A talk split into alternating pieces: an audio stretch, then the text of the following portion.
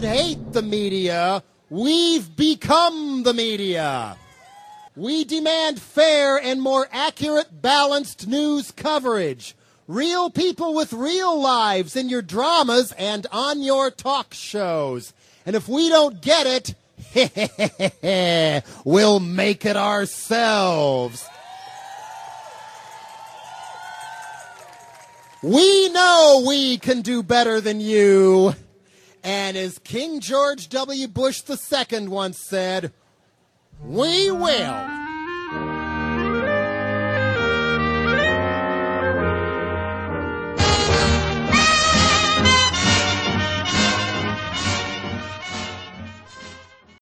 Become the media, det var Jello Biafras slagord. Det här är podden Apans anatomi med Erik och Mattias. Och det här avsnittet kommer då handla om alternativmedia. Och vi kommer fokusera på vänsterns alternativmedia, lyfta den historien, vilka förändringar som skett. Det är ju ett ämne som alltid är på tapeten, liksom, hur, hur vi själva, vilka kanaler vi själva har att nå ut med för att eh, kunna både sprida vårt budskap eh, för att påverka samhällsdebatten, för att folkbilda, men också för att organisera sig. Och nu i dagarna så uh, har det ju lanserats en rad olika mediealternativ.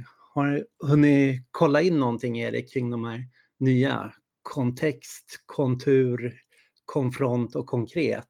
Har du sett dem? Ja, jag, jag har sett dem. Det är ju i Skandinavien, ska man säga. Ja, eh, det är Skandinavien. Det är i Skandinavien. Det är alltså ett i Finland, ett i Danmark, ett i Sverige. Är det ett i Norge också? Nej, två i Sverige. Två i Sverige, just ja. det. Uh, nej, men alltså som hastigast skulle jag säga.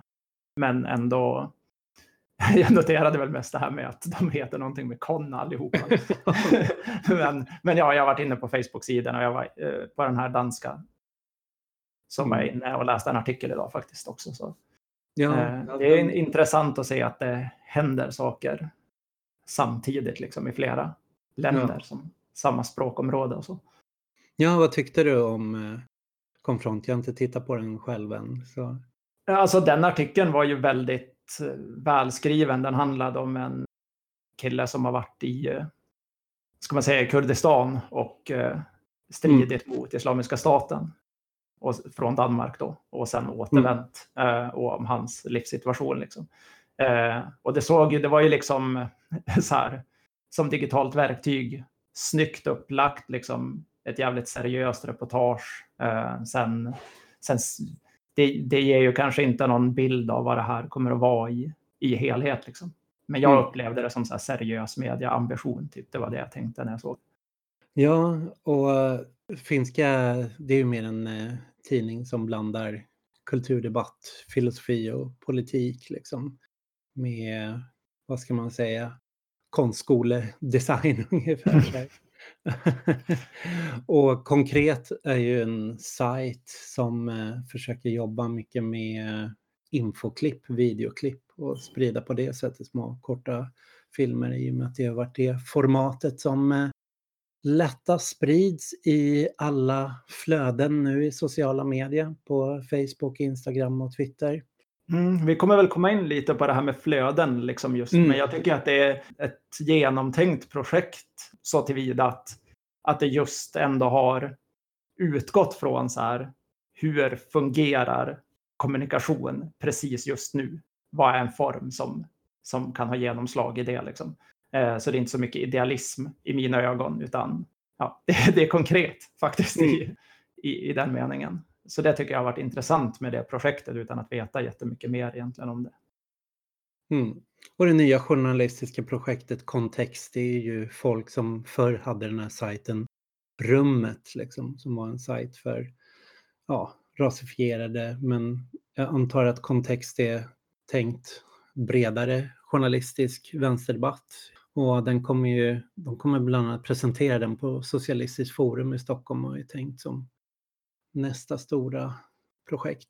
Det spännande med de här är ju liksom att det, det känns just väldigt trött inom vänstern när det gäller mediaprojekt just nu. Att det, den senaste veckan har det varit så här, Flamman har kämpat för att få prenumeranter och eh, klara sina eh, bidragsmål så att säga. Feministiskt perspektiv har kämpat för det.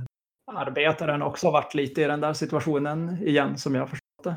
Ja, och ETC har väl återigen bestämt att liksom skära ner och plocka bort ledarskribenter och slå ihop de få tidningar de har kvar. De la ju ner Fria Tidningen och de la ner så. Mm. Och uh, vad heter den? vi, vi, måste ändå nämna också att LO la ner mm. Heter den? politism. Politism, ja. Ganska direkt in på valet som ju LO har pumpat jättemycket pengar i som sitt sätt att på något sätt nå nya målgrupper som kanske inte nås av deras konventionella liksom, fackliga mm. kanaler. Mm. Eller så tänkte man liksom, när man startade det. Man kan ja. säga mycket om det, men ja, du har ju helt rätt. Det är väldigt mycket som har försvunnit eller som har på något sätt darrat på manscheten under de här månaderna. Ja. Också. Och LO håller ju på att centrera sina olika fackliga organisationers tidningsprojekt nu till LO Media för att koncentrera mer och kunna samordna de olika projekten i det. Så nedläggning av politism var ett steg i det. Sen får vi se om det, kom, om det blir något spännande i det där, att de kanske kan koncentrera mer resurser på egna gräv, gräv och egen journalistik och liksom samordna det mer i, i fackliga pressen. Så här. Men eh, ja, det är det som sker där i alla fall. Och det enda som har känts mm. lite så här, nytt försök, det är ju att eh, Flamman, vilket kanske var lite oväntat, men Flamman har ju liksom tittat väldigt mycket på Novara Media i Storbritannien som, som börjar med poddar, fortsatte med bloggar och sen med video och liksom satsat på att bygga sitt egna lilla, vad ska man säga, mediehus, kommit ur studentrörelsen och någon slags eh, anarkonära miljö och sen blivit mer momentum och, och Corbyn nära. Mm. Så det är kul att det kommer nya projekt och det har ju känts lite trött ett tag just att det, vänstern har ju alltid förknippats med alternativmedia från starten. Det är ett begrepp som kommer ur, ur liksom underground vänstermiljön men för ungefär tio år sedan så skedde ju i alla fall i Sverige en svängning och eh, högerns alternativmedieprojekt var det som växte och i somras passerades ju en gräns när några av de här sajterna liksom på högerkanten gick om stora borgerlig media som DN och ja, Sydsvenskan och GP tror jag de har passerat sedan länge, att de börjar kunna mäta sig med de här stora mainstream-drakarna i antalet klick då. Liksom. Mm. Det blir väl det spännande i det här avsnittet att vi ska försöka spåra den här, liksom, vad var det som hur växte vänsterns alternativmedia fram? Vad skedde och liksom, vad kan vi göra framåt. Mm. Ett sätt att börja det här är ju faktiskt att börja med eh, Jürgen Habermas och hans teori kring borgerlig offentlighet som är en bok han kom med 62. Har du läst några? Jag har inte läst boken. jag vill att du ska förklara vem han är. Nej, Habermas är ju faktiskt, han är ju en av de mest spridda, vad man kan säga, vänsterteoretikerna. Jag vet inte om man ska beskriva honom som marxistisk, men han är ju liksom den man brukar säga den andra generationen Frankfurtskolan. Frankfurtskolan var ju den här tyska kritiska marxismen, liksom ägnades mycket åt ideologikritik som flydde från undan Nazityskland till USA. Horkheimer och Adorno var de stora namnen. Och sen efter kriget kom tillbaks och i Frankfurt återupprättade det här då institutet för social forskning eller vad de kallar det. Där eh, Horkheimer var professor så kom då hans student Habermas och tog över det. Och Habermas teorier handlar mycket då om, eh, han har tittat liksom på 1800-talet, början av 90-talet, hur den borgerliga offentligheten växer fram. Och offentligheten är dels är ju media så att säga, papperstidningarna och så, men det är även liksom den offentliga debatten på gator och eh, seminarier och allmän debatt och där han liksom har en väldigt så här, befriande syn på det där. Han ser att det är det här som är det som utvecklar demokratin i samhället. Att i offentligheten så, så kan det här förnuftiga samtalet ske som ett medel för att skapa ett bättre samhälle. att det är liksom hela den här upplysningstraditionen som bärs där och att i den här offentliga debatten har man en någorlunda jämlikhet, möjlighet att delta. Och ja, det finns ju mycket att kritisera med den föreställningen. Eller som du förmedlar den i alla fall. jo, nej men alltså Habermas teori har ju blivit mycket kritiserad men ändå någonstans kan man säga att det är ju den synen som man generellt har i samhället på offentligheten. Att offentligheten är som en den arena där samtalet förs och man ser att den ägs inte av någon speciell. Alla kan delta. Public service är en mm. del av den, mainstream media mer än ABF är en del av den. När vi går ut i en demonstration är vi en del av den. När eh, Allt åt alla gör en spexig aktion och sen laddar upp sina videofilmer på Youtube så är man del av den här offentligheten. Mm så ser ju den här samhällsbilden lite ut. Att alla deltar i den här offentligheten. Men de som har kritiserat det har ju kommit mycket kritik och även inifrån den här liksom, kritiska teorin, den traditionen Habermas själv kommer ifrån. Och då är det en feminist som heter Nancy Fraser som har Riktar mycket kritik mot det just för att eh, så har det ju inte riktigt sett ut. Den borgerliga offentligheten kanske växte fram så, men om man ser till arbetarrörelsen och kvinnorörelsen och sen en rad rörelser, medborgarrättsrörelsen och alla sociala rörelser så har ju de snarare inte varit jämlika parter i den här eh, offentligheten utan de har byggt det hon beskriver som subalterna motoffentligheter, alltså motoffentligheter underifrån. Hon mm. kom med en bok om det 1997, liksom, om de här subalterna motoffentligheten. Och det tycker jag liksom är ett mycket mer så fruktbart begrepp att tänka från. Att det är hur folkrörelser och sociala rörelser formar sin ideologi och sin berättelse, sina narrativ någonstans. Att de skapar egna kanaler, egna forum, egna media, köper egna tryckpressar eller liksom startar arbetarlitteratur och Folkets hus och Folkets park och det är så viktigt att bygga den här egna forumen för mm. att du sen ska kunna ta dig in och liksom delta i den borgerliga offentligheten någonstans så måste det först ha liksom formerat det någonstans. Jag vet inte hur hon kommer dit riktigt men jag vet, för mig är det en väldigt logisk tanke att just det där med villkoren, liksom att att offentligheten har så tydliga ramar. Att det är så tydligt att det är någon som sätter ändå villkoren för, kanske inte liksom på ett så här väldigt enkelt plan som att så här medier censurerar vissa röster och så vidare. För det tror jag alltid har skett i mycket lägre grad, eller alltid, mm. men ofta skett i mycket lägre grad än vad vissa har uppfattningen av, som är ja. kritiska då till media. Men snarare kanske att, att det finns aktörer som har så mycket inflytande över att sätta agendan för vad som framstår som viktigt, hur någonting upplevs och så vidare. Så att vissa känslor som människor har eh, kan aldrig få ett logiskt utlopp liksom, mm. i det samtalet för att de är så aparta med, med de ramarna som är satta. Liksom. Så det, det, är ju snarare liksom tystnad då, som blir konsekvensen kanske än att människor mm. blir censurerade. tänker jag. Och det är också poängen med en motoffentlighet för mig. Mm. Att man då får den där möjligheten att sätta ett ramverk och vara mm. så här. Men vi skiter faktiskt i hur, hur de där människorna på DN tänker. Vi pratar som vi gör med varandra hemma, fast mm. det här är en tidning.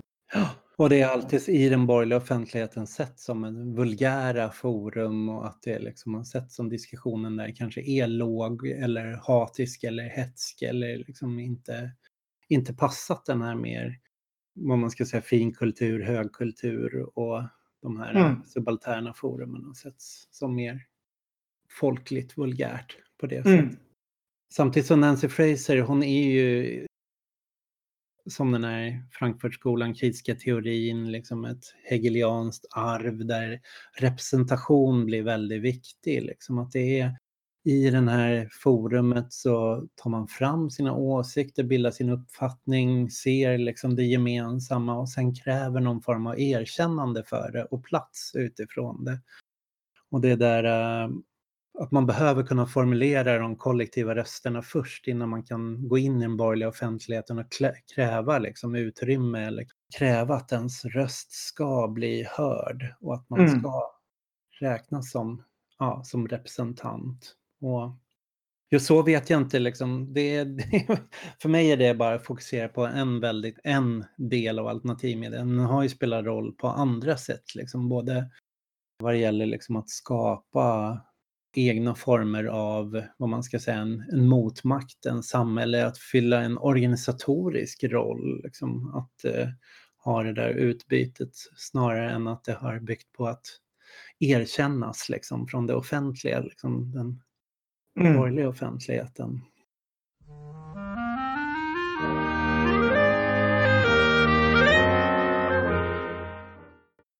Ett annat perspektiv då, liksom, att lägga på det här, förutom det här med offentlighet och subaltern mot offentlighet som vi kommer komma igen till gång på gång i det här avsnittet, så, så är det då att se hur olika former av ny teknik för masskommunikation har byggts upp under från 1800-talet och framåt och hur man då också har sett att det är liksom på ett sätt att demokratiseras möjligheterna att nå ut. Att det som kanske bara var en elit i samhället som var läskunnig eller satt på tryckpressen eller förfogade över kyrkorna eller liksom kunde nå ut med sätta ramarna för, för samtalet så har fler och fler kunnat göra det. Och då om man tittar på teknik så dels handlar det liksom om vilka som har varit avantgardet och varit så early adapters, de som snabbt har tagit sig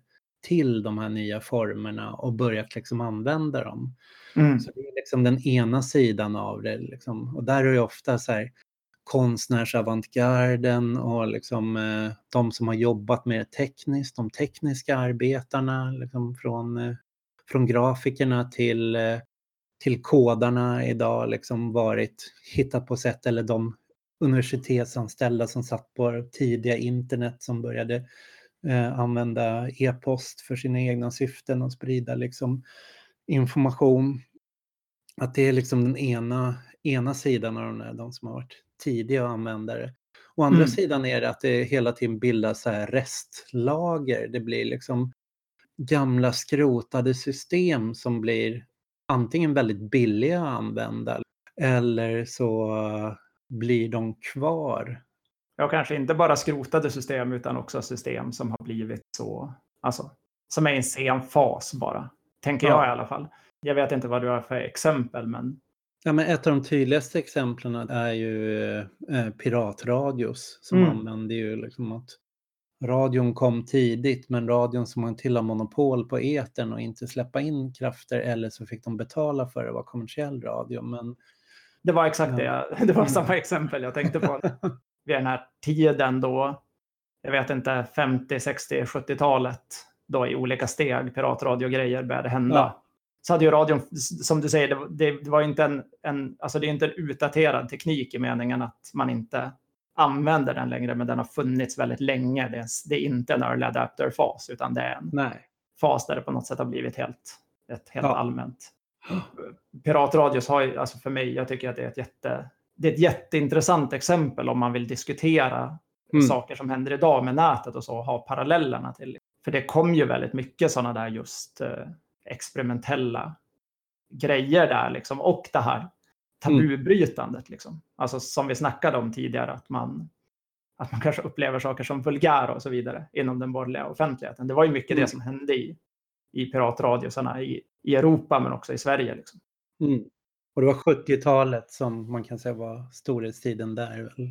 Ja, exakt. Det var ju ett gäng i Sverige mm. som var båtar utanför Stockholm och Öresund mm. som man sände via. Så ja, men spelade man massa musik som inte ansågs som legit. Liksom av mm. SR och mm. ja, var, ro, var roliga liksom. Men radio ja. var ju fortfarande fett torrt på 70-talet. Så allting det som sen P3 är ju som en motreaktion. Att P3 kommer ju en motreaktion på det som hände då i, i de här piratradiostationerna. Så att det, var, det gör ju att man kan förstå lite vad de sysslade med.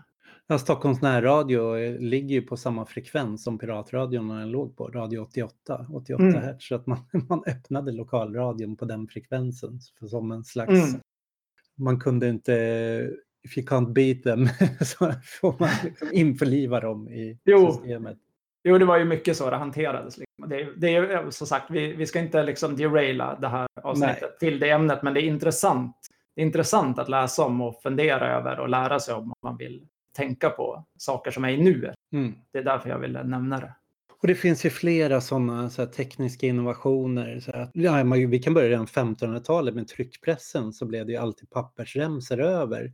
Så man kom på att de här pappersremsorna gick ju också att trycka på någonting. Och där började man trycka upp nidbilder i Tyskland på påven och dela ut och kallade det för flogblätter, flygblad. Och att det blev en masskommunikationsform som blev bildig, så väldigt viktig för bonderevolterna på, på 1500-talet. liksom man massproducerade just sådana subversiva pamfletter och flygblad 1500-1600-talet just på restmaterialet som blev blev över. Och sen på 1800-talet kom de elektriska tryckpressarna som gjorde det möjligt att göra massupplagor billigt, det som kallade penny press. Och det förändrade ju också offentligheten, gjorde det en ny form av den så kallade gula journalistiken växte fram där då som blev en sån här mer maktgranskande journalistik. Liksom man använde myndigheter som källa men man gick ut och också granskade myndigheter och där kunde ju då arbetarrörelsen själva börja köpa in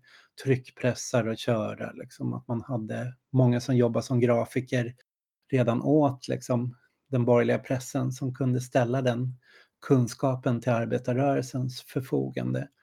På 60-talet så skedde en ny sån här förändring liksom, av tryckprocessen genom offset-tryck och fotokopiatorer. Liksom, att det var blev en hel våg av liksom fanzines och do it yourself-tidskrifter och Vietnambulletinen och liksom Ordfront växte fram. Och, liksom, och det var ju då som alternativmedia började användas som beteckning också för det här. Mm. Och med, med alternativmedia så menades då, det då att det inte bara som eh, den gula journalistiken granskade makten utan även att det här var man direkt gav röster åt de som inte hade röster inom, inom media. Så att man försökte liksom låta källorna själva tala, liksom, att låta minoriteter tala, låta och riktade det, det mot eh, det som då kommer kallas mainstream media. Mm. Här blir det verkligen det här, liksom återigen, det här subaltern eh, mot offentlighet inte bara liksom att tekniken används på ett annat sätt utan det gav upphov till en helt annan form av journalistik på det sättet också. Mm. Jag tänker att det där med att, det här med att andra ska komma till tals och så, alltså det är en viktig skillnad för det, jag menar, det, som politisk agent så kan man ju vara så här, okej, okay, vi har en viss agenda som inte syns och nu ska vi mm. liksom vara professionaliserade i att föra ut den. Liksom. Det är en sak, men om man tittar på typ Radio Alice som var den här Bologna det var en eh, piratradiostation i Bologna. Mm. Så var ju det de gjorde var ju typ Ring P1 dygnet runt på 70-talet. Liksom. Som hade en telefon i radiostudion uppkopplad som man kunde ringa till och babbla av sig. Så det var ju mm. inte liksom att aktivister bara satt och matade sitt budskap utan att vanligt folk kunde ringa mm. in och, och se, prata omedvetet liksom, om, om sina upplevelser av hur saker är och hur livet är och fan och hans moster. Liksom. Det där är ju olika saker. Liksom. Ja, verkligen. Det var ju liksom kliva runt hela det här liksom, journalistiken.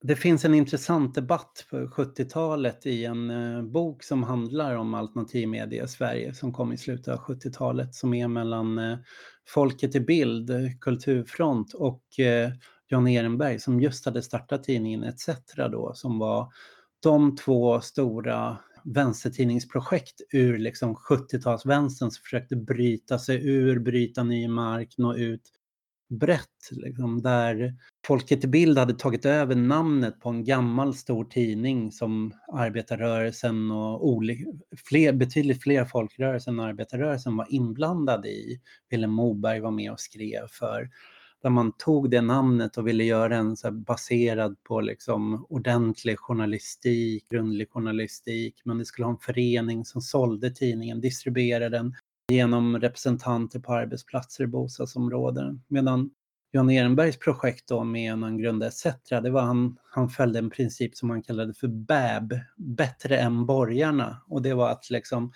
man måste vara bättre än borgarna, borgarnas press på alla sätt och då inte bara liksom dagstidningarna och eh, tabloidtidningarna, alltså kvällstidningarna, deras liksom utan även eh, veckotidningarna, skvallertidningarna. Och han tänkte liksom att eh, bättre än borgarna handlade om att vara bättre layout, bättre bild, bättre tryck, bättre idéer, bättre analyser, bättre språk, bättre humor, bättre noveller. Så att det gällde liksom att utmana dem kvalitativt och inte bygga en egen struktur utan använda sig av den här borgerliga distributionskanalerna för att bredda dem på deras egna planhalva. Mm.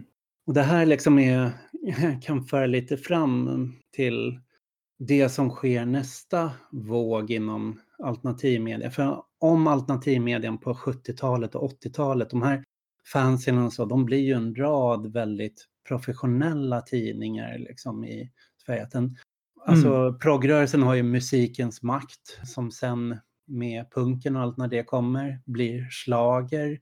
Slager liksom går ihop med en eh, tidning som heter Ritz och blir Slits och köps upp av en anarkistisk tidning som heter Magasinet April då. Och det är så liksom Slits uppstår. Liksom att de, de där tidningarna kommer liksom att bli rätt stora och antingen kommersialiseras eller så blir det liksom den plantskola som en ny journalistkår, vad kan man säga, kommer ifrån på 80-talet in i media. Så alternativmedien liksom växer men kommer också liksom att ätas upp och liksom förändra hela medieklimatet, förändra hela liksom den borgerliga offentligheten, förändra mainstream media. Men då parallellt, liksom, om man tittar på de radikala sociala rörelserna som finns så är det ju, fortsätter man ju bygga egna strukturer, alternativa mediestrukturer å ena sidan, men det kommer en tendens som kallas taktisk media.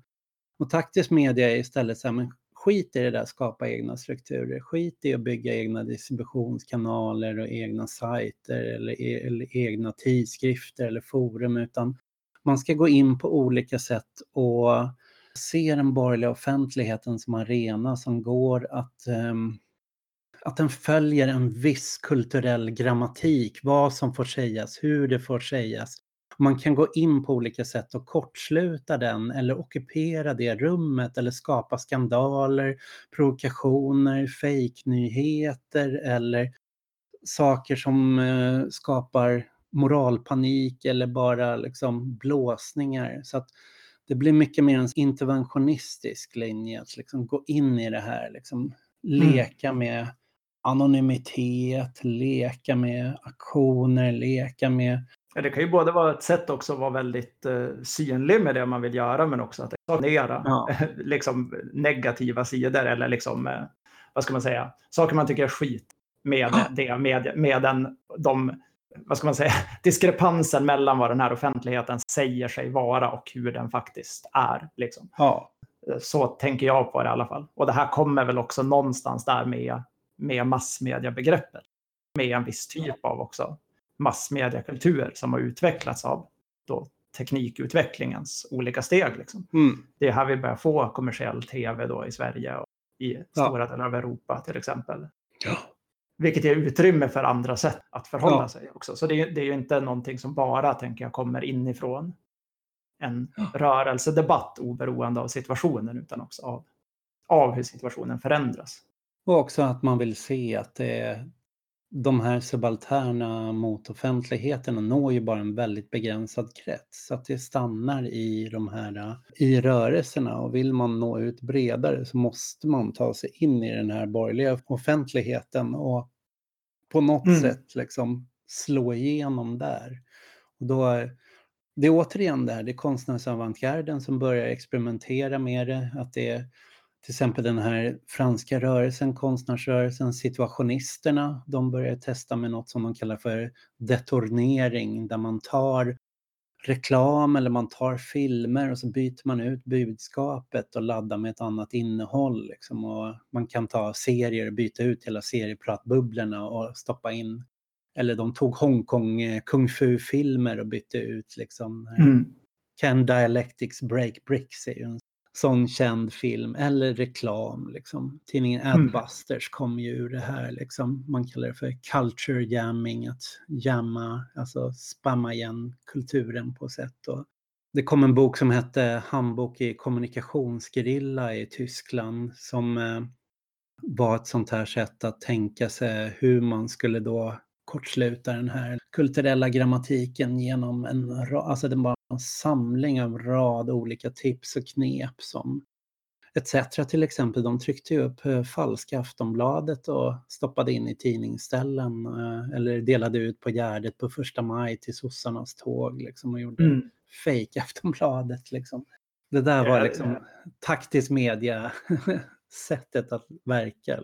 Ja, Jag tänker att från att nu när det nu uppstår liksom och blir stort så är ju det någonting som i vänstern är väldigt närvarande en bra bit in i 2000-talet. Liksom. Alltså att de förhållningssätten är så här jävligt ledger liksom, och, och någonting man sysslar med och som man nästan automatiskt så här, dras in i när man blir intresserad av politik. Typ, för att det är så lätt att upptäcka det där. Hur enkelt det är och hur, hur roligt det är. Mm. Och också typ om man är typ en skitunge som Mhm. upplever att man står utanför saker så är det ganska lätt av sig själv att uppmärka hur, eller att märka hur man kan få massa uppmärksamhet och skapa ståhej typ genom att göra Mm. vissa saker. Så det, det ligger ju på något sätt i den, då i den Mm. kulturella logiken att det här är någonting som är ganska nära att Ja. komma på.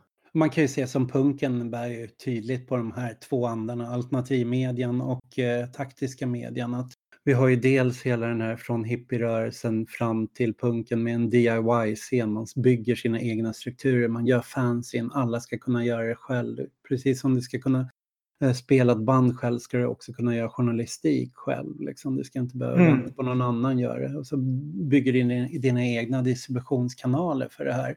Men å andra sidan Malcolm McLaren som var gammal situationist som bara plockade upp Sex Pistols, klädde upp dem och såg till att skapa rätt skandaler för att liksom skapa moralpanik i hela England. Mm. Provocera drottningen och liksom köra på, trigga liksom hela borgerliga paniken liksom i samhället så här, som, som var taktiska mediainterventioner på ett sätt. Mm. Alltså det är väl intressant också att nämna i det här att en del av den typ av aktionslogik som delar av Mm. vänstern har kretsat kring, liksom, har ju att göra med det här klimatet också.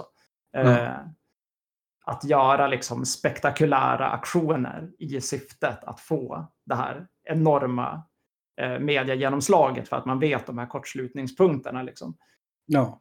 som var väldigt effektivt under en viss period, men det finns också rörelsekritik under den perioden mot hur det skapar liksom informella hierarkier i, i, utomparlamentariska miljöer kring Mm. vilka som har liksom förutsättningarna att då syssla med det här, planera det här, Mm. vad syftet är med det och så vidare. två medieaktivister som heter Gert Lovink, en holländsk gammal husockupant, och David eh, Garcia som gör ett litet manifest för det här med taktisk media. Och där skriver de så här, taktisk media är en media för kris, kritik och opposition. Detta är dess källa till makt. Ilska är en energi, som Johnny Lydon, Johnny Rotten säger. Och samtidigt dess begränsning. Deras hjältar och hjältinnor är aktivisten, nomadiska mediakrigare, prankstern, hackern, gaturapparen, kamikaze-videofilmaren. Det är glada negationer, alltid på jakt efter en fiende, skriver de då. Mm. Så det är ju direkt gå in i konflikter så att säga på det här sättet. Och det är också talande liksom att han nämner, eller de nämner hacken, för att det här kommer ju samtidigt som hela det här med elektroniska anslagstavlor, BBSer, universitet börjar kopplas ihop med varandra. De första liksom mejllistorna kommer innan man ens har hemsidor.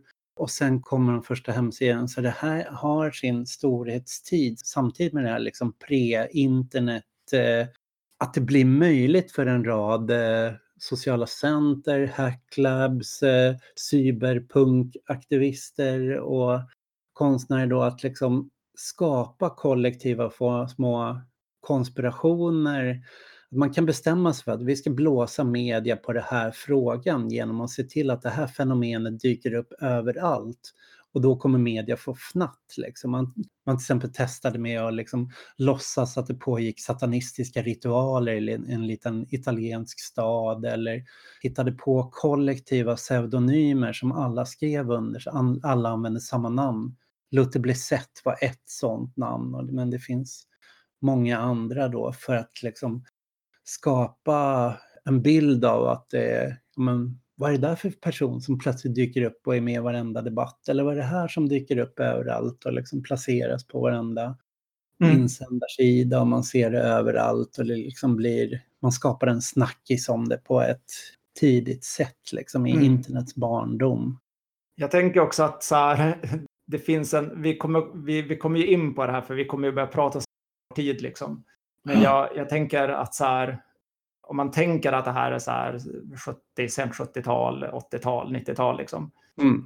pre-internet som masskommunikationsmedel, så är ju det på något sätt en tid då avståndet mellan typ den enskilda medborgaren och implicit aktivisten och offentligheten som i typ politiker, massmedieaktörer och så vidare. Att det avståndet är ju mycket större mm. rent upplevelsemässigt. Jag tänker att när jag var yngre så jag kände i alla fall så att typ eh, bara existensen av typ riksdagspolitiker var någonting fullkomligt abstrakt. Och mm. de flesta som befann sig i offentligheten var folk som hade valt på ett väldigt, eller det var väldigt tydligt varför de var offentliga personer. Ja.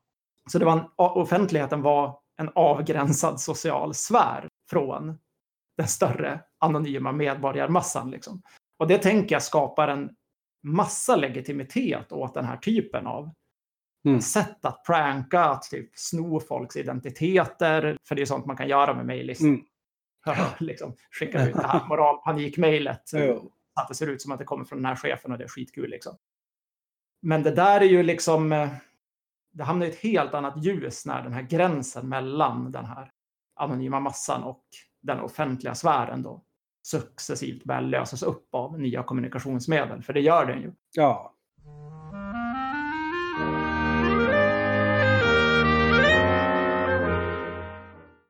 Där kan vi då börja gå in på internet och liksom internet, vi kan gå igenom två vågor. Det ena är, vi kan säga 96-97 när internet blir årets julklapp i svenska folkhemmet. Liksom. Fram till 2007 liksom då sociala medier lanseras och någonting nytt inträffar. Och man kan väl säga att den här första perioden 97 till 2007 så är vänstern helt dominerande på alternativmedien på internet. Medan från 2007 och framåt så är det ju högern som gör sitt stora genombrott medan vänstern någonstans tappar väldigt mycket mark och det kan vi ju prata mm. lite om senare varför just det här sker. Men vad är det som kännetecknar den här första perioden då? Ja, alltså jag tänker att vi har ju båda tittat på en text som Rasmus Fleischer har skrivit. Mm. Han har haft den här bloggen Copyright. Du känner väl honom mer än vad ja. jag gör. Men han har gett ut en bok med så här som heter Tapirskrift och i den så finns det ett kapitel som heter Nätets kontrarevolution. Och det, det handlar ju egentligen om den senare delen men jag tycker att det är träffande och det stämmer överens med en del saker som jag har tänkt på. Det är väl att den här första perioden präglas ju dels av att en del otydliga situationer av vad som dominerar på internet. Mm. Men kanske framför allt av hela piken och urblåsningen av det man kallar för IT-bubblan. Mm. Alltså att i slutet av 90-talet så pumpas det in finanskapital globalt, helt spekulativt. För man ser då att den här tekniken är på väg. Så då bara kastar man pengar på allting som har med det här att göra. Liksom. Jag minns därför att det var en snubbe i min klassen ovanför mig på högstadiet som hade gjort en fanpage åt Oasis. Alltså mm. helt så här orelaterad ja. sida. Liksom. Och så kom han till skolan en dag och bara, typ, det är någon som vill ge mig 300 000 spänn för att jag har den här fanpagen. Liksom. Och det är ju så piken av, av IT-bubblan. Den perioden gör ju att det börjar uppstå liksom massa, det är massa människor som börjar syssla med programmering, liksom för att den här tekniken har dykt upp. Det finns massa pengar i det, så det är jättemycket folk som börjar lära sig att göra det här, typ koda, hålla på med mm. tekniken och så vidare. Och sen bara kraschar det här, just för att det är en bubbla. Det finns mm. inte en tillräcklig korrelation mellan hur man ska kunna kapitalisera på det här kan man säga. Var pengarna ska komma tillbaks och vad folk gör. Så då kraschar bubblan. Och då åren som följer det, precis här, första åren på 2000-talet, då har man ju liksom en situation där det finns jättemycket människor som kan programmering, som kan, det finns massa verktyg och så vidare. Men det finns inga pengar i det här. Så, mm. så allt det här, all den här kunskapen flödar ju då naturligt naturligt till det gemensamma. Till att ja, men man utvecklar massa verktyg enligt kanske en open source-logik mer. Man mm. ägnar tiden åt att typ göra det som känns vettigt ur ens nära synpunkt. Mm. Så internet har ju liksom en period här av, jag vet att jag sa till dig förut när vi chattade att, mm. att jag tänkte på det lite som så här internets Pariskommunen. Liksom. när jag läste det här. Att det så här är ett, ett sånt här litet undantagstillstånd liksom, ja. efter kris där rebellerna på något sätt har hela makten att, att göra det här till det gemensamma. Men det är inte evigt. Det repressiva står runt dörren ungefär. Men det här är ju vad som präglar den här perioden. Och det är ju en väldigt anarkistisk ideologi i de här hackerskretsarna med information wants to be free och liksom den här synen på att man digitala allmänningen, man ska släppa det fritt, det ska få cirkulera. Alltså Wikipedia är ju en sak som kommer ur det här. Liksom. Man mm. börjar väl med det här projekt Gutenberg och så, göra digitalisera massor med texter. Och sen Wikipedia liksom följer en tradition. Men, eh, ja, Napster ska man ju nämna också. Liksom. Ja, Napster. Men, men. Flashback kommer ju ur samma tradition. Liksom. Det är mm. också den här Jan Axelsson startade det. Han var ju en sån här fanzine-kille, liksom gjorde skin-fanzine, läste Brand och smörsyra, Gatuavisa som var liksom de här norska motsvarigheterna till Brand då liksom.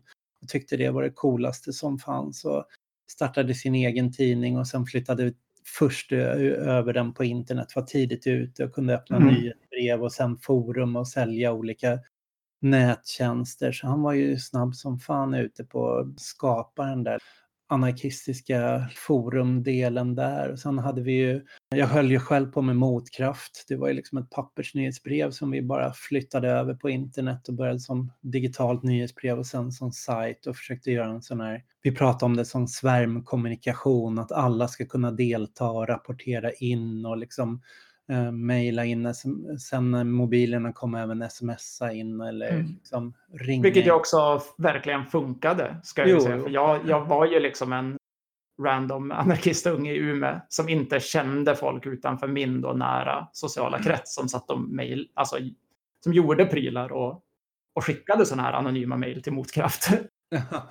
som publicerades och det kändes råfett. Ja. På samma sätt som det var fett att så här ur samma horisont pranka lokalmedia. Typ. Ja, och då Gälla var ju också en sån sajt som växte där som var verkligen också en sån här plantskola för vänsterskribenter, men de var ju också verkligen tekniskt innovativa med att bygga sina sajter. De låg ju verkligen i framkant när de släppte sina före de, de flesta övriga massmedias liksom nätsatsningar. Mm. Det här är ju intressant att påtala, tänker jag. För att, ja, vi, vi snackade om kapitallogiken ja. i det här. Men om man ska förstå den här sociala biten av det, inte bara som hackerskodexen som finns, liksom, mm. så tänker jag att så här, du nämnde early adapters och liksom mm. late, vad ska man säga, de som sysslar med restteknik ja. tidigare. Jag menar internet, årets julklapp 97, liksom. så vilka är det som befinner sig på internet under de här åren? Jo, men det är ju företrädesvis unga människor. Ja. Utanför kanske då universitetets mejllista eller jobbets kassaprogramvara. Så här, I den här internetoffentligheten så är det ju väldigt mycket unga människor. Mm. Och unga människor är ju generellt, ska man säga, progressivt lutade gentemot äldre generationer i jättemycket frågor. Så har det alltid varit. Mm. Så det är klart att internet präglas ju under den här tiden av att det är en ungdomssfär också. Mm. Vilket då är en del av det som, tänker jag, som man kan förstå. För att vad händer?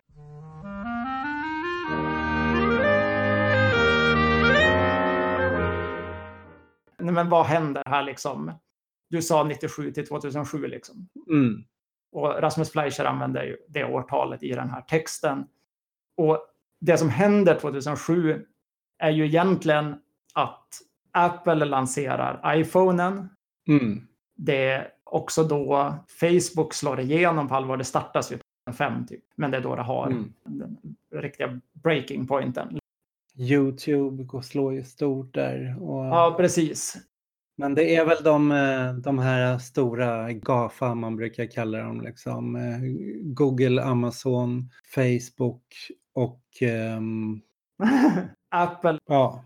att om man har haft den här på något sätt inget kapital, anarkifasen här, så, så kommer ju liksom kapitalinvesteringarna i fatt här.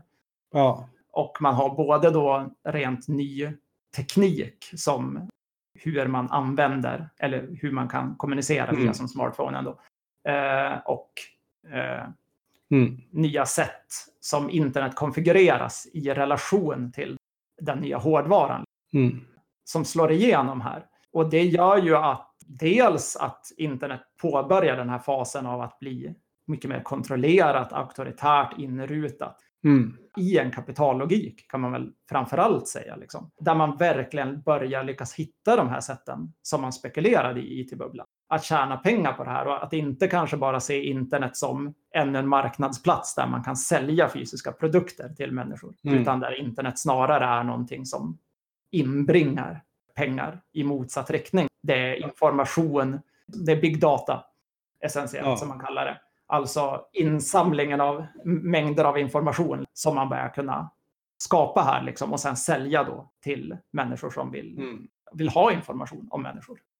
För innan det är det ju mest att det gäller att skapa snabbare datorer, det är hårdvaran liksom. Och att det gäller att utöka minnet så att du ska kunna lagra mer och mer på det. Den sidan av, du kan köpa licenser också liksom för mjukvara, för program. Men med stordata när man förstår att man genom det här eh, kundbasmaterialet, användarna, liksom genom att deras Mm. information blir attraktiv liksom för, för annonsörer eller för, för de som vill komma över databaser och andra Mm. Anledningar så, så blir det ju också en förändring av eh, hur att persondatorn på ett sätt eh, konkurreras ju ut eller slutar användas. Det blir mycket mer mobilen och surfplattan som blir det viktiga där det är väldigt lite minne utan liksom all information du har ska du lagra på, i molnet. Det ska du lagra hos de här giganterna. De Mm. ska ha tillgång till all din kunskap istället för att du ska sitta på svällande hårddiskar och, och svällande minnesstickor liksom, med allt ditt material. Jag tycker det som kanske är extremt intressant här, som Rasmus nämner, men som jag också har läst på många andra ställen, det är ju liksom att man kanske har den här tendensen att tänka på typ eh, IT-teknik och internet antingen ur en extremt eh, naiv optimistisk synvinkel eller en motsatt. Där Mm. man på något sätt reducerar allting till bara så här kapital. Så här, de, de aktörer som vill tjäna pengar eller som, som skapar vissa saker för de personerna ondskefulla syften eller vad fan man Mhm. men att så här, det som Rasmus och många andra påtalar är ju att, att det snarare är ett vågspel fram och tillbaks. Att så här, ja, Mm. men hoppar man tillbaks till internets start så ser man ju att så här, ja, men där finns ju alla de här. Det kommer ju ur de här extremt stora militärinstitutionerna Mm. i USA, den forskningen, liksom, kärnvapensutvecklingen, det är därifrån datorer kommer. Och internet kommer på något sätt också ur sådana Mm. där led. Men det kan ändå föranleda en sån här progressiv situation som man hade Mm. då 97-07. Och det som är ännu mer intressant i det, det är ju att det som händer, det YouTube och Google och de här, eh, Apple och så vidare, gör, Mm. är ju liksom inte att göra någonting helt tvärt emot det som händer de där tio åren innan. Utan det är snarare att det utvecklas vissa saker under den här anarkistiska perioden. Som Mm. man ser att, aha, där, nu har de löst. De har öppnat Mm. en dörr här, tillbaks till pengavägen. Så det, det finns ju liksom, Pirate Bay skapar förutsättningarna för Spotify och så vidare. Det, Mm. det är inte liksom en kontring utan ett sätt att använda vissa Mm. saker som skapas i ett syfte för ett annat. Liksom. Det var ju de här aktivist eh, direktuppdateringssystemen som skapar förutsättning till Twitter också. Mm. Den, de hur CrimeFink och sådana i USA var med och byggde upp inför eh, olika toppmötesprotester hur man skulle köra live-uppdatering som, som Mm. Twitter sen också bara kom att kopiera när de startade Twitter. Jo, jag tänker här är vi tillbaka på piratradio-jämförelse Mm. med hur piratradiorna på något sätt gav upphov till, en, till förutsättningarna för den kommersiella radioindustrin i delar av Västeuropa. Liksom. Från det här extremt tråkiga, rigida, statliga, vi informerar formatet, så kom hela den här mer breda marknadsförutsättningen för kommersiell radio i Mm. att någon öppnade dörrar för, för någonting friare och visade att det fanns demand för det. Så jag tänker att det här är, som sagt, det är inte liksom någonting bundet bara till just datorer, just internet, utan tendenser av hur kommunikation inte är någonting Mm. i sig av godo eller i sig av ondo, utan Mm. ett vågspel mellan olika intressen. Liksom.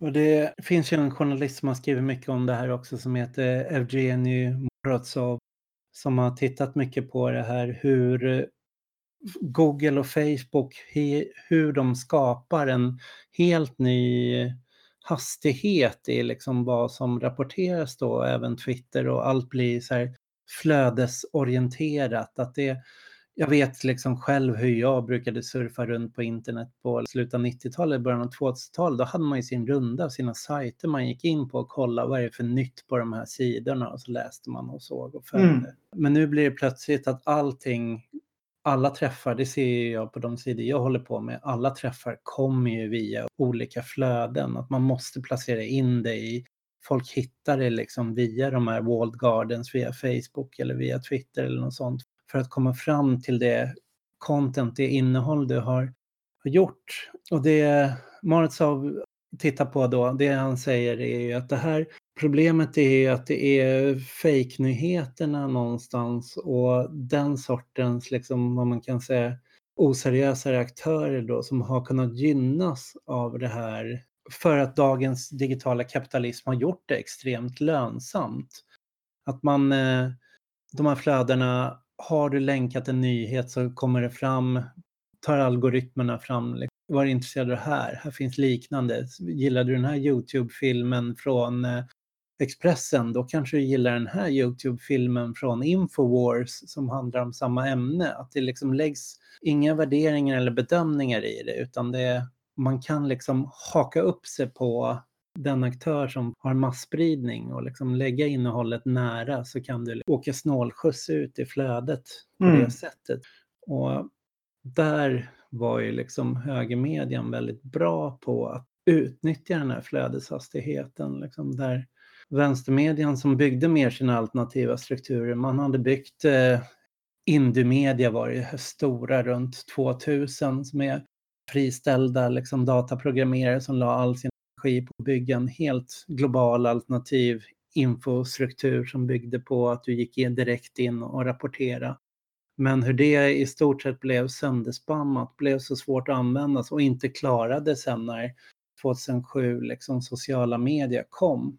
På det sättet har ju Rasmus Fleischer rätt. Det blev en kontrarevolution för det knäckte de här fria initiativen, de som satt och byggde innehållet själva. Det ligger ju också i liksom då utvecklingen av sökmotorslogik och så vidare, de Mm. algoritmerna som premierar resultat i flöden, att, att saker som går sakta, saker som handlar om så här, som kan vara viktiga för vänsterrörelser, som handlar om att typ folkbilda människor då, och Mm. återaktualisera händelser och så vidare för att skapa gemensam historia, har ju liksom noll värde i en sån algoritmlogik. Liksom. Så det finns ju delar av vad man har, som hänger samman med vilken typ av politiskt anspråk man har i vänstern.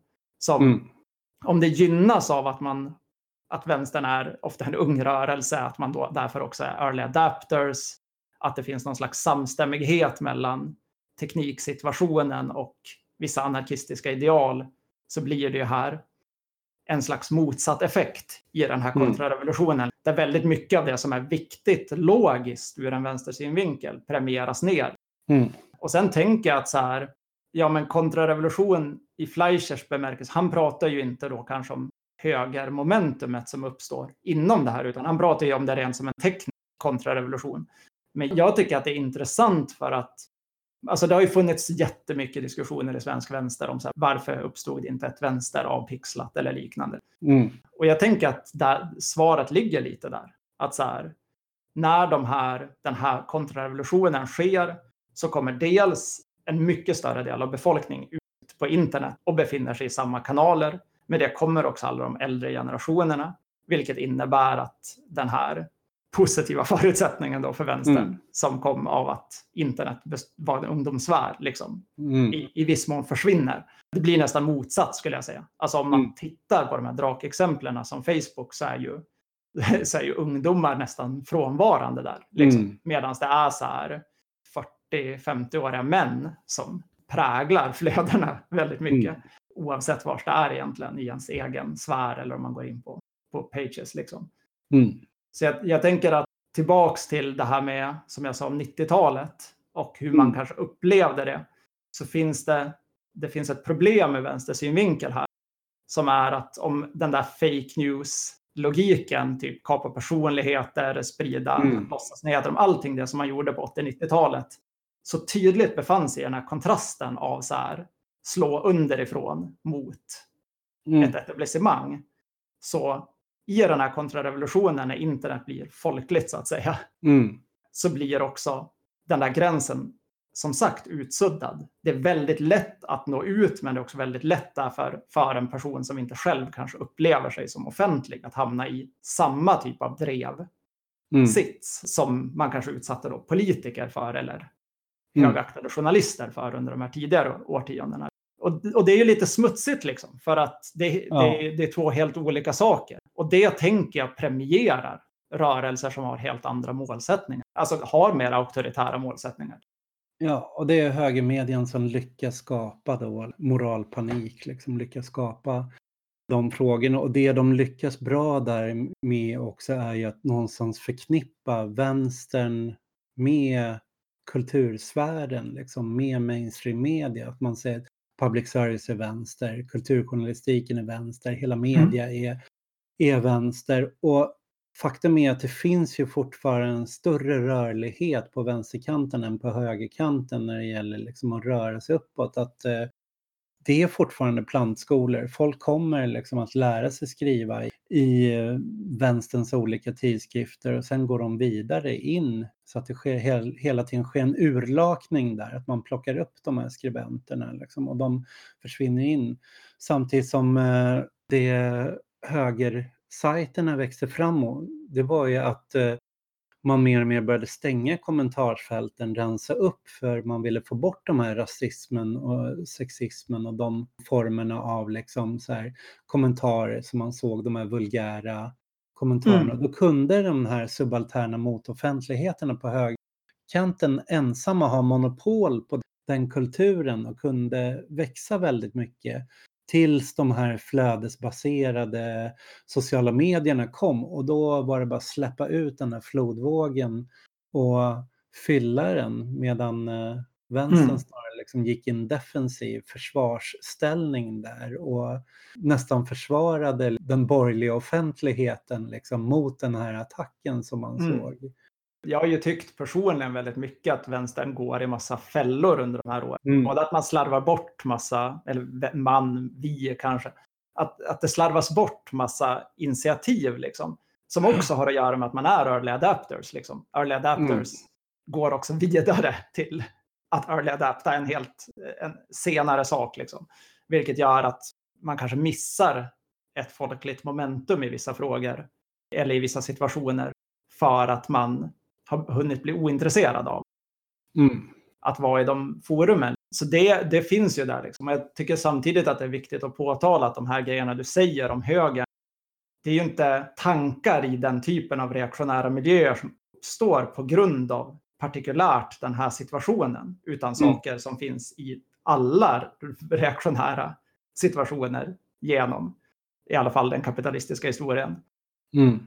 Men alltså det du säger om hur vänstern är, att den är, mm. hur vänstermänniskor gör karriärer och att mm. rikta udden mot en, ett kulturetablissemang och så vidare. Det är ju gammalt, hö, gammalt högertankegods. Mm. Men som jo, kan hitta en, en, en, ny, en ny situation eller att formulera det i en ny situation. Liksom. Sen finns det ju också en annan uh, utveckling och det är Kristoffer Lundberg har skrivit uh, om det. En så här också internetaktivist och forskare från Göteborg som han använder begreppet nätvaro, alltså den eh, gemenskap och närvaro som man har när man ägnar en väldigt stor del av sitt sociala liv på internet, har sina kontakter där, bygger sina forum, Eh, utveckla sina digitala allmänningar som piratkulturen då, liksom fildelningsrörelsen, peer-to-peer-rörelsen.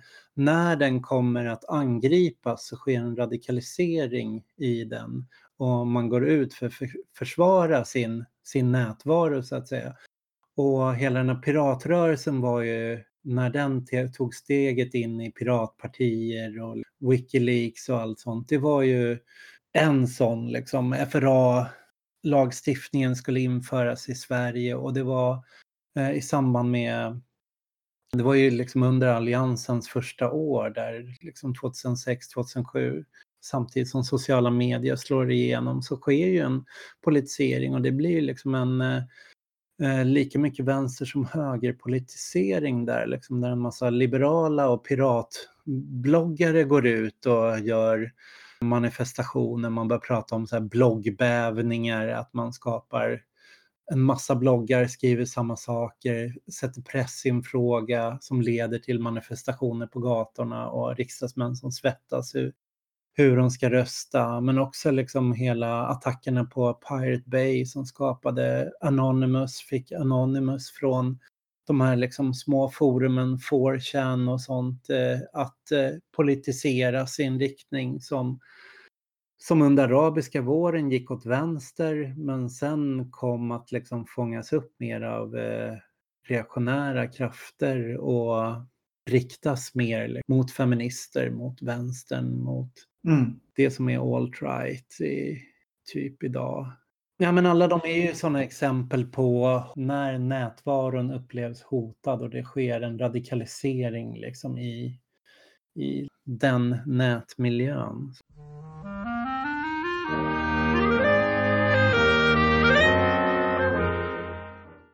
Jag har tänkt på en grej. Vi har ju pratat en del nu om den här situationen, eller liksom vi, vi gör ju som mm. vi brukar göra i den här podden och lägger upp saker i periodiseringar. Så här, mm. här är en sån här våg, sen kommer en sån här våg. Det är typiskt för den tanketradition både jag och du kommer ur. eh, att eh, tänka i cykler och periodiseringar. Men när man tittar på nutiden, mm. så, som vi sa i början så har den sett ganska mörk ut ur vänstersynvinkel mm. i Sverige kommunikationsmässigt. Det finns någon typ av vänsteroffentlighet alltså vänstermänniskor i den klassiska mm. offentligheten som är så jävla trött. Liksom. Alltså, så, som går på, på rundgång typ och inte känns liksom innovativ i den här situationen. Och sen finns det nästan då ingen alternativ media eller interventionistisk sfär mm. alls. Så har vi hela den här höga situationen. Liksom. Man har ju de här diskussionerna ibland. Och det finns ju liksom ändå andra länder under den här tidseran med samma mm. teknikförutsättningar och så, där helt andra saker har hänt. Och jag tycker att det är ganska intressant att bara ha det som spegelbild. Mm. Det här hänger samman med flera avsnitt vi har gjort egentligen, men framförallt så är det ju typ Spanien som har intresserat mig. Mm. I Spanien hade man då, det här knyter an till arabiska våren, i Spanien hade man den här 15M-situationen som vi pratade om i vårt Podemos-avsnitt. Vi pratade dels om massmobiliseringarna som i Spanien mm. 2011, men också om hur Podemos växte fram kring sådana här interventionistiska mediestrategier. Typ att mm. gå in i SVT Debatt, fast i Spanien, och mm. med en viss agenda. Hur Latörka-gänget där utvecklade det här. Liksom. I Spanien har det funnits en enorm diskussion kring media där man kan tänka sig, i alla fall utifrån, att vänstern mer haft initiativet under exakt samma tidsepok som det här, eh, den här kontrarevolutionen kommer. Liksom. Mm. Det som jag tycker är värt att notera om det för att se intressanta horisonter det är mm. att i Spanien så, precis som med då eh, tendenserna i hur politisk organisering har sett ut i allmänhet, så har ju typ Antonio Negri och Michael teorier som vi har diskuterat i ett avsnitt som heter Verken parti eller anarki och mm. Chantal Mouffe och Ernesto Laclaus teorier som vi pratade om i ett annat avsnitt som mm. jag fan inte kommer ihåg vad det hette. De har varit väldigt inflytelserika i Spanien mm. under åren innan den här krisen kom. Och under de krisåren kan man säga. Och det är ju så att i Spanien verkar varit det ena eller andra heller i kommunikation, utan det har funnits en väldigt stor sån sfär som har försökt kämpa vidare med det här arvet från 1907-perioden, alltså mm. open source, uh, hackers, ethics, grejer, liksom bygga eh, alternativa plattformar som då kanske inte har varit så mycket typ vad motkraft och gälla var, alltså mediegrejer, mm. utan mer typ strukturer för hur man kan fatta beslut i horisontella organisationer, typ rösta via nätverktyg, basically sådana grejer. Man har haft en så stor wiki i Spanien kring 15M som heter 15Mpedia, där man bara matat mm. in typ varshörsrätt, husockupationer, varshörsrätt, allt möjligt. Mm. Så allt det där har funnits och det kommer ju på något sätt ur den här negranska, att det har mm. varit så starkt i Spanien. Men sen finns också den här Mufla sidan då, som ju Mufla pratar ju väldigt mycket om att det är ett eh, populistiskt tillfälle just nu i världen och att om jag då sa att det är moraliskt lite smutsigt, men de säger vi måste göra det. Liksom. Det har ju också funnits i Spanien. Dimensionen som kanske mer handlar om att hitta medel för att underblåsa en indignation som mm. skulle, eller en moralisk upprördhet som skulle kunna gynna vänstern. Liksom. Men jag tycker att det är, så, det är så viktigt att påtala att så här, det hade nog inte varit lika effektivt om det hade varit bara det ena eller bara det andra. Utan det är kombinationen av att de här två faktorerna, att man faktiskt har lyckats kämpa för att bevara det där ena eh, multitud mm. liksom, inriktade och det här andra populistiska dynamiken mellan de två sakerna som man har haft en framgång ur vänster synvinkel. Sen tror jag också när jag tittar på vissa vänstertankar som man har haft under de här åren så tänker man kanske mer på så här, vad tror man att lyssnaren, läsaren, tittaren blir indignerad av? Mm. Och försöker pumpa ut det än att själv bära en indignation som man förmedlar mm. och litar på kan delas av andra och bli stark. Liksom. Och det här säger jag för att i Umeå där jag bor så har vi haft under exakt den här tidsperioden en jättestor mem-sida som heter Umeå mem-huvudstad som är nedlagd nu med, jag vet inte hur många tusen följare den hade, som helt har dominerat den offentliga debatten under den senaste mandatperioden. Och den var ju då inte en typ av sån taktiskt avvägd vänsterpopulism, utan typ random vänstermänniskor som var så jävla ledsa på kommunpolitiker över saker man själv hade upplevt. Och så hade man en jargong. Den jargongen fanns på något, i min värld, min sociala sfär, så fanns det en jargong kring saker som hade hänt i stan som sen flyttade ut på nätet och blev memes. Liksom. Mm. Och det är därför det slog. För att det fanns en sån enorm drivkraft i att både producera det där tror jag för de som var inblandade men också att det spreds vidare och att folk kunde dela det liksom, och att jargongen kunde växa. Eh, så jag tror att det är så här, den intressanta så här, populistiska sidan ur en vänstersynvinkel är kanske mer det, att föda egen indignation än att Mm. Alltså, ja, sossarna fick vi ta upp experter från Stockholm till Umeå som skulle liksom lära dem hur de ska agera i sådana här situationer. I sociala medier, ja. ja. I, I, allmänhet i sociala medier tror jag, eller så upplevde jag det liksom.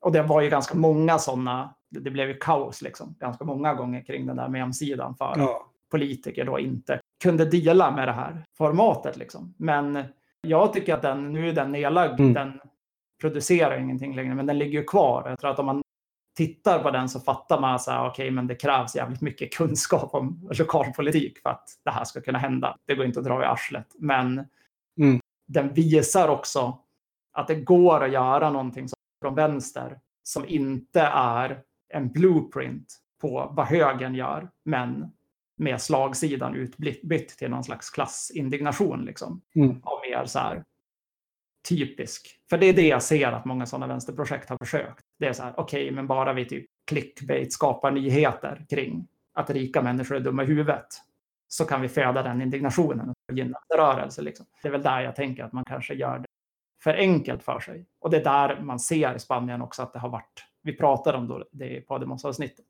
mm. att man har varit mycket, mycket tydligare i sin, i sin fiendebild och i vilka frågor indignationen har underblåsts i det är inte en allmän klassretorik. Det, det har varit den här La Casta. Det finns en, en viss typ av elit som man riktar sig mot. eh, i vissa frågor. Liksom. Men jag har ju träffat några av de här eh, folket som jobbar med det här teknopolitik som de kallar det från Barcelona. De har varit nere och föreläst mycket i Italien och liksom på mm. internationella träffar. Men där har det också varit väldigt mycket hur man kan använda sig av sociala medier för sociala rörelser. Mm. Det var kanske den här dubbla sidan man måste liksom diskutera med sociala medier. Å ena sidan är det liksom, sociala medier handlar ju om att eh, vi är produkterna i det. Liksom. De tar den information vi producerar och använder i sina kommersiella syften. Som att eh, mm. fånga in den använda data vi gör. Men det är också det vi gör där liksom, blir också tillgängligt för eh, underrättstjänster, för stater som vill kartlägga hur spridningar går till Samtidigt som det är en masskanal, det är där alla människor är. Så att de alternativstrukturer vi har byggt utanför, vi är ju helt beroende av att om vi återgår till den här liksom Habermas och Nancy Fraser-modellen med en subaltern motoffentlighet idag så är vad gör folk? Alltså feministiskt eh, initiativ till exempel. Det var ett parti helt uppbyggt kring Facebook. Liksom, Sverigedemokraterna, vad, hur, hur styrs de genom deras partistyrelse? Jo, genom en Facebook-chatt som heter El Presidente där de sitter och liksom, koordinerar liksom, sitt, sitt parti. Liksom, hur många politiska organisationer är inte som vars medlemsforum är slutna grupper på Facebook. Att det är genom Facebook eh, som de verkar och låter Facebook administrera allt deras. För att det är det enklaste, mest tillgängliga liksom, tekniska medlet eh, som finns.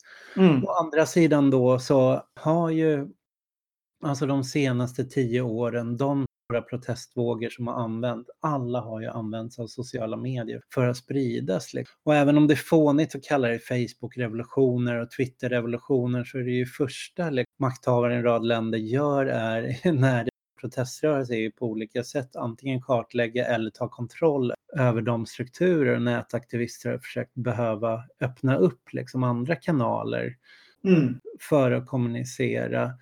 Och till exempel Facebook har gjort det betydligt svårare nu för att göra massevent. Att, eh, för att det var så många event som gled folk i händerna. Det behövde inte vara politiska event, att det kunde bli enorma stora massdemonstrationer. Mm. Man, jag kommer ihåg på 90-talet, vi kunde ägna månader åt att mobilisera och var skitnöjda om vi kom över 3000 pers. Liksom. Medan med sociala medier så kunde vi liksom få mellan 10 000 och 30 000 på ett dygn eller en vecka när någonting stort mm. inträffade liksom som Ship och Gazas båtar stormades eller nazister attackerade liksom på, Kärrtorp eller på 8 mars eller något sånt så fick man enorma...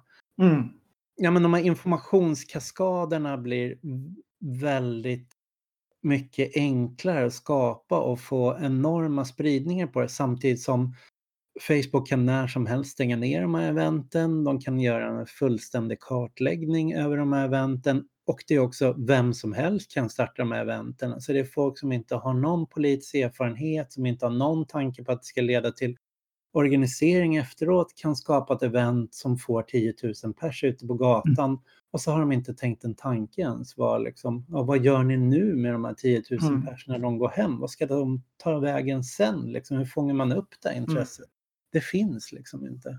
Jag undrar om det fortfarande är så faktiskt. Jag tänker att i tidiga fasen av, av de här, den här kontrarevolution-epoken mm. så var ju det där extremt närvarande. Liksom. Också de här, alla de här historierna om typ jag har startat ett Facebook-event, mm. att det är fest i den här villan, typ i Hamburg. Ja. Ja, och så det. kommer det så här 8000 personer och det blir kaos liksom. Och det är inte någon som bor där. Alltså det, det var ett prank liksom. Att sådana där mm. grejer kunde hända för att algoritmerna mm. inte var förberedda på det. Liksom. Men jag tycker att man hör mindre och mindre som, om sånt där. Och när jag ser de här typ spontan individer liksom upprörda över någonting som har hänt igår och kallar till en mm. demonstration imorgon. Händer det ju sådana också, typ kring Sverigedemokraternas riksdagsinträde i Sverige till exempel, så händer det sådana mm. grejer. Som jag tycker att man ser mindre och mindre av. Ja. Så jag vet inte om det är att logiken för det där stängs eller vad det kanske sitter i, men det känns som att det är också den förutsättningen ebbar lite.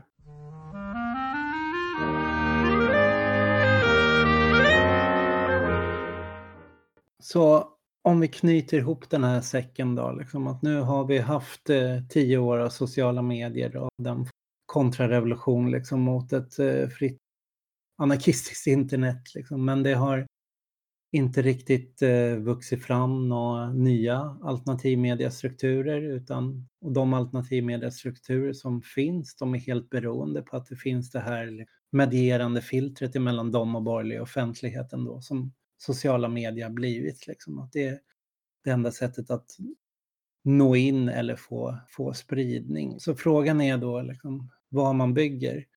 Och det är kul med alla de här nya medieprojekten som vi börjar räkna upp i början av programmet.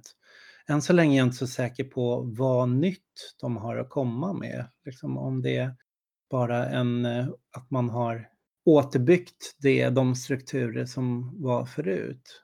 Men det enda jag kommer fram till själv, liksom, och det är inget alls radikalt eller spännande, det är liksom att man måste bara jobba på alla plan och tänka alla tankar samtidigt. Att vi måste kunna både använda gamla och nya medieformer, liksom, både på gatorna med flygblad och dörrknackningar till att liksom, tillverka den senaste mobilappen. Liksom, och att vi vi kan inte lämna flödena helt, vi kan inte göra ett exodus för dem, men vi måste äga våra egna data, vi måste bygga våra strukturer som vi kan utgå från och hela tiden eh, gå in i medieflöden, plantera in i medieflöden.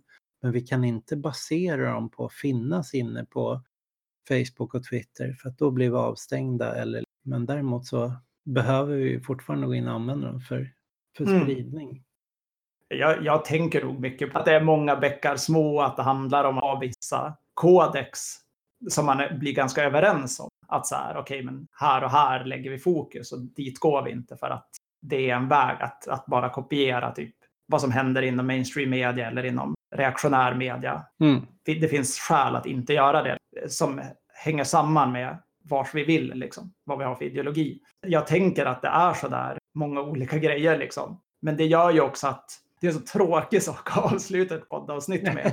För att det blir, för att det blir okonkret och, och ja. man vet att sådana grejer funkar inte då många andra bäckar uteblir.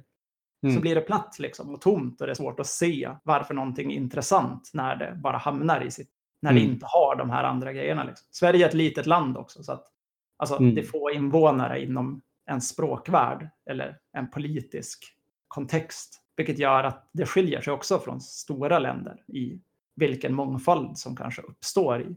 Så det får man också tänka på. Men jag tror ändå mycket på det. Att mm. det är kanske inte de här, det här stora vänsterprojektet liksom, som, som förnyar allting. Utan det är att man hittar, att man förstår hela den här logiken och hittar många förhållningssätt till det. Fortsätta experimentera. Och sen Exakt. också att det är inte en naturlag att ska fångas in eller ta en reaktionär riktning utan det är ju, det är ju faktiskt peppande att titta på Spanien eller på England, liksom på Novara Media och alla de så här, ur studentrörelsen där som blev någon slags eh, pro-Corbyn, pro-momentum eller pro-vänsterformer. Mm. Det, det, är inte alls givet hur de här strömningarna, hur den här liksom radikaliseringen och politiseringen av nätvaron, vilken riktning den kommer ta, utan det handlar ju om för oss att liksom mm. skapa. Mm. Det kan också komma nya tekniska förändringar mm. som helt slår undan benen. De, I den här teknisk-politiska eh, sammansättningen som vi kallar för kontrarevolutionen. Så mm. Det är också intressant liksom. Och det gör ju att här, man måste vara nyfiken, man måste ha kul. Det snackade vi om i det här mm. Sala Linska avsnittet måste vara kul att hålla på med. En, en bra taktik är rolig liksom. Kan mm. inte hålla på och bara träta. Där någonstans får man börja. Eller mm. köra. Ja, vi får tacka för oss för det här avsnittet. Så kommer vi snart åter med nya. Yes. På återseende. Hej.